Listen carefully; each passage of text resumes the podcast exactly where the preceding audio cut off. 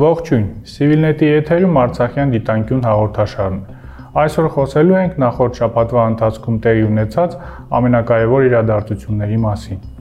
Ապրիլի 6-ին Բրյուսելում տեղի է ունեցել ԵՄ Եվրոպական խորհրդի նախագահ Շարլ Միշելի միջնորդությամբ կազմակերպված Փաշինյան-Ալիև հերթական հանդիպումը։ 5 ժամ տևած բանակցություններից հետո Միշելը հանդես է եկել հայտարարությամբ, որի մեջ ներկայացրել է հանդիպման արդյունքները։ Հանդիպման գլխավոր արդյունք կարելի է համարել մինչև ապրիլի վերջ դելիմիտացիայի ու դեմարկացիայի հարցերով երկկողմ հանձնաժողով ստեղծելու մասին որոշումը։ Հիշեցնենք, որ այդպիսի որոշում կայացվել էր նաև 2021 թվականի նոյեմբերի 26-ին Սոչիում տեղի ունեցած երրակողմ հանդիպման ընթացքում։ Սակայն Սոչիի հայտարարության մեջ կար մի կարևոր շեշտադրում, որը խոչընդոտում էր այդ հանձնաժողովի ստեղծմանը։ Խոսքը հանձնաժողովը ստեղծելուց առաջ հայ-ադրբեջանական սահմանին կայունության եւ անվտանգության մակարդակը բարձրացնելու ուղղությամբ քայլեր ձեռնարկելու պայմանավորվածության մասին է։ Հայկական կողմը Սոչիի հայտարարության այս կետը դարձել էր ի պաշտոնական դիրքորոշումը դելիմիտացիայի ու դեմարկացիայի գործընթացում։ Ամիսներ շարունակ Երևանը հայտարարում էր, որ առանց սահմանային լարվածության նվազեցման մեխանիզմների ներդրման հնարավոր չէ իրականացնել դելիմիտացիայի ու դեմարկացիայի գործընթացը։ Բաքուն Հայաստանի իշխանությունների այս մոտեցումը նախապայման էր անվանում։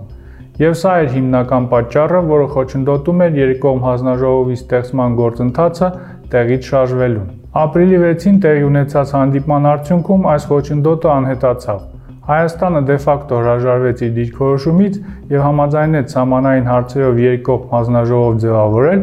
որի մանդատում, ինչպես նշվում է Միշելի հայտարարության մեջ, կլինի սահմանազատել Հայաստանի եւ Ադրբեջանի միջև սահմանը,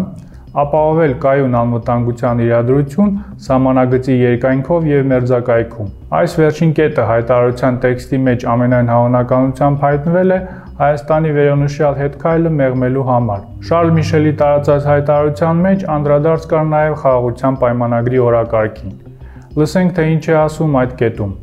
Նախագահ Միշելը ի նկատի առել եւ նախագահ Ալիևի եւ վարչապետ Փաշինյանի հայտարարած ցանկությունը արագ շարժվել իրենց երկրների միջև խաղաղության համաձայնագրի կնքման ուղղությամբ։ Այդ նպատակով պայմանավորվածություն է ձեռք բերվել արտաքին գործերի նախարարներին հանձնարարել աշխատել ապագա խաղաղության պայմանագրի նախապատրաստման վրա, որը կանրադառնա բոլոր անհրաժեշտ խնդիրներին։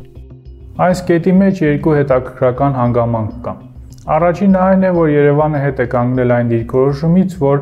Խաղաղության պայմանագրի շուրջ բանակցությունները պետք է տեղի ունենան Մինսկի խմբի ձևաչափի ներկո եւ վերջինիս միջնորդությամբ։ Այս հետ քայլը եւս նպաստելու է խաղաղության պայմանագրի շուրջ բանակցությունների մեկնարկին։ Արդեն ապրիլի 11-ին տեղի է ունեցել հերրախոսազանգ Ադրբեջանի եւ Հայաստանի արտգործնախարարների միջև եւ սա կարելի է համարել բրյուսելյան պայմանավորվածություններին հաջորդած առաջին գործնական քայլը։ Միշելի հայտարարության տեքստի խաղաղության պայմանագրի վերաբերյալ կետի մյուս ուշագրավ շեշտադրումը այն է, որ խաղաղության պայմանագիրը կանդրադառնա բոլոր անհրաժեշտ խնդիրներին։ Սա այդ տեքստի մեջ տեղ գտած կառուցողական երկիմաստության մի շարք օրինակներից է, որոնք թույլ են տալիս կողմերին իրենց համար նախընտրելի ձևով մեկնաբանել հայտարարության տարբեր կետերը։ Կոնկրետ այս ձևակերպումը հայկական կողմը կարող է մեկնաբանել որպես ակնարկ Լեռնային Ղարաբաղի կարգավիճակի, ինչպես նաև Ղարաբաղյան հակամարտությանը առնչվող այլ հարցերի հանգուցալուծման կարևորության մասին։ Ընդհանուր առմամբ Բրյուսելյան հանդիպման արդյունքները եւ Շարլ Միշելի տարածած հայտարարությունը դժվար է հայանպաստ անվանել։ Այդ հայտարարության մեջ հերթական անգամ չեն հիշատակվել ոչ Լեռնային Ղարաբաղը, ոչ էլ Ղարաբաղյան հակամարտությունը։ Հակամարտության գոտում վերջին շրջանի սրացմանը եւս պատշաճ գնահատական չի տրվել։ Ավելին, ինչպես տեսանք, այդ հանդիպման ընթացքում Հայաստանը հետ քայլ է կատարել իր մի շարք նախորոք հայտարարած դիրքորոշումներից։ Սա վտանգավոր է նաև այն առումով, որ ցույց է տալիս Ադրբեջանին ուժային գործիքակազմի միջոցով դիվանագիտական արդյունքների հասնելու քաղաքականության արդյունավետությունը։ Այդ առումով Հայաստանի անսկզբունքայնությունը Ադրբեջանին դրթելու է նորանոր ռազմական սադրանքների դիմել, ինչպես Լեռնային Ղարաբաղում, այնպես էլ հայ-ադրբեջանական սահմանին։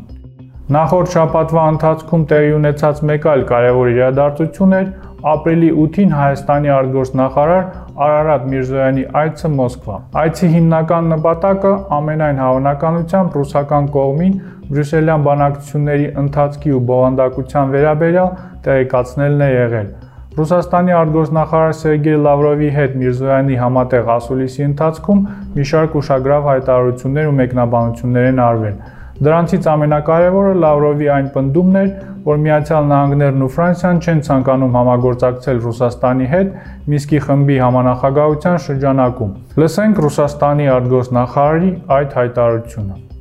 Ես չգիտեմ հետագայում ինչ ճակատագիր է ունենալու Մինսկի խումբը, քանի որ մեր ֆրանսիացի ու ամերիկացի գործընկերները ռուսատիացության արշավի ընթացքում ձգտում են չեղարկել այն ամենն, ինչ վերաբերում է Ռուսաստանի Դաշնությանը։ Չեղարկել են նաև Մինսկի խմբի երանախագահությունը, հայտարարելով, թե մեզ հետ չեն շփվելու այդ ձևաչափով։ Դա նրանց իրավունքն է։ Եթե նրանք պատրաստ են զոհաբերել Ղարաբաղյան խնդրի կարգավորումը եւ ընդհանուր առմամբ Կովկասի շահերը, պատրաստ են զոհաբերել տվյալ դեպքում հայկական կողմի շահերը։ Դա նրանց ընտրությունն է։ Լավրովի այս հայտարարությունը հաստատում է այն մտավախությունները, որոնք գոյություն են ունեցել ռուս-ուկրաինական պատերազմի առաջին օրերից։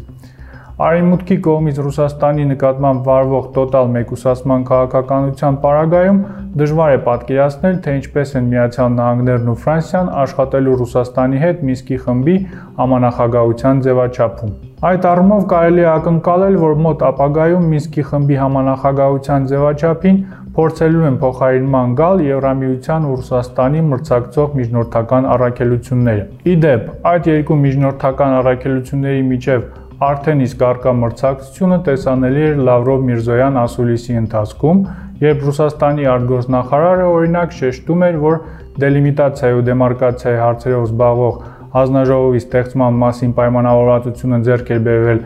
Սոչիում, այլ ոչ թե Բրյուսելում։ Այս ամենով հանդերձ Երևանը պետք է պնդի ԵԱԿ Միսկի խմբի ձևաչափի պահպանման վրա, չհակադրվելով այլ միջնորդական առաքելությունների գոյությանը։ Մինսկի խումբը Ղարաբաղյան հակամարտության քաղաքական կարգավորման միջազգային մանդատ ունեցող միակ կառույցն է։ Ավելին, Միսկի խմբի հետ սերտորեն փոխկապակցված են նաև տասնամյակների բանակցային գործընթացի արդյունքում ձևավորված սկզբունքներ, որոնք այս փուլում նպաստավոր են հայկական կողմի համար։ Հետագայում ավելի մանրամասն կխոսենք, թե ինչպես է հնարավոր աշխարհակաղակական այս նոր պայմաններում վերագործարկել ու նոր շունչ հաղորդել Մինսկի խմբին։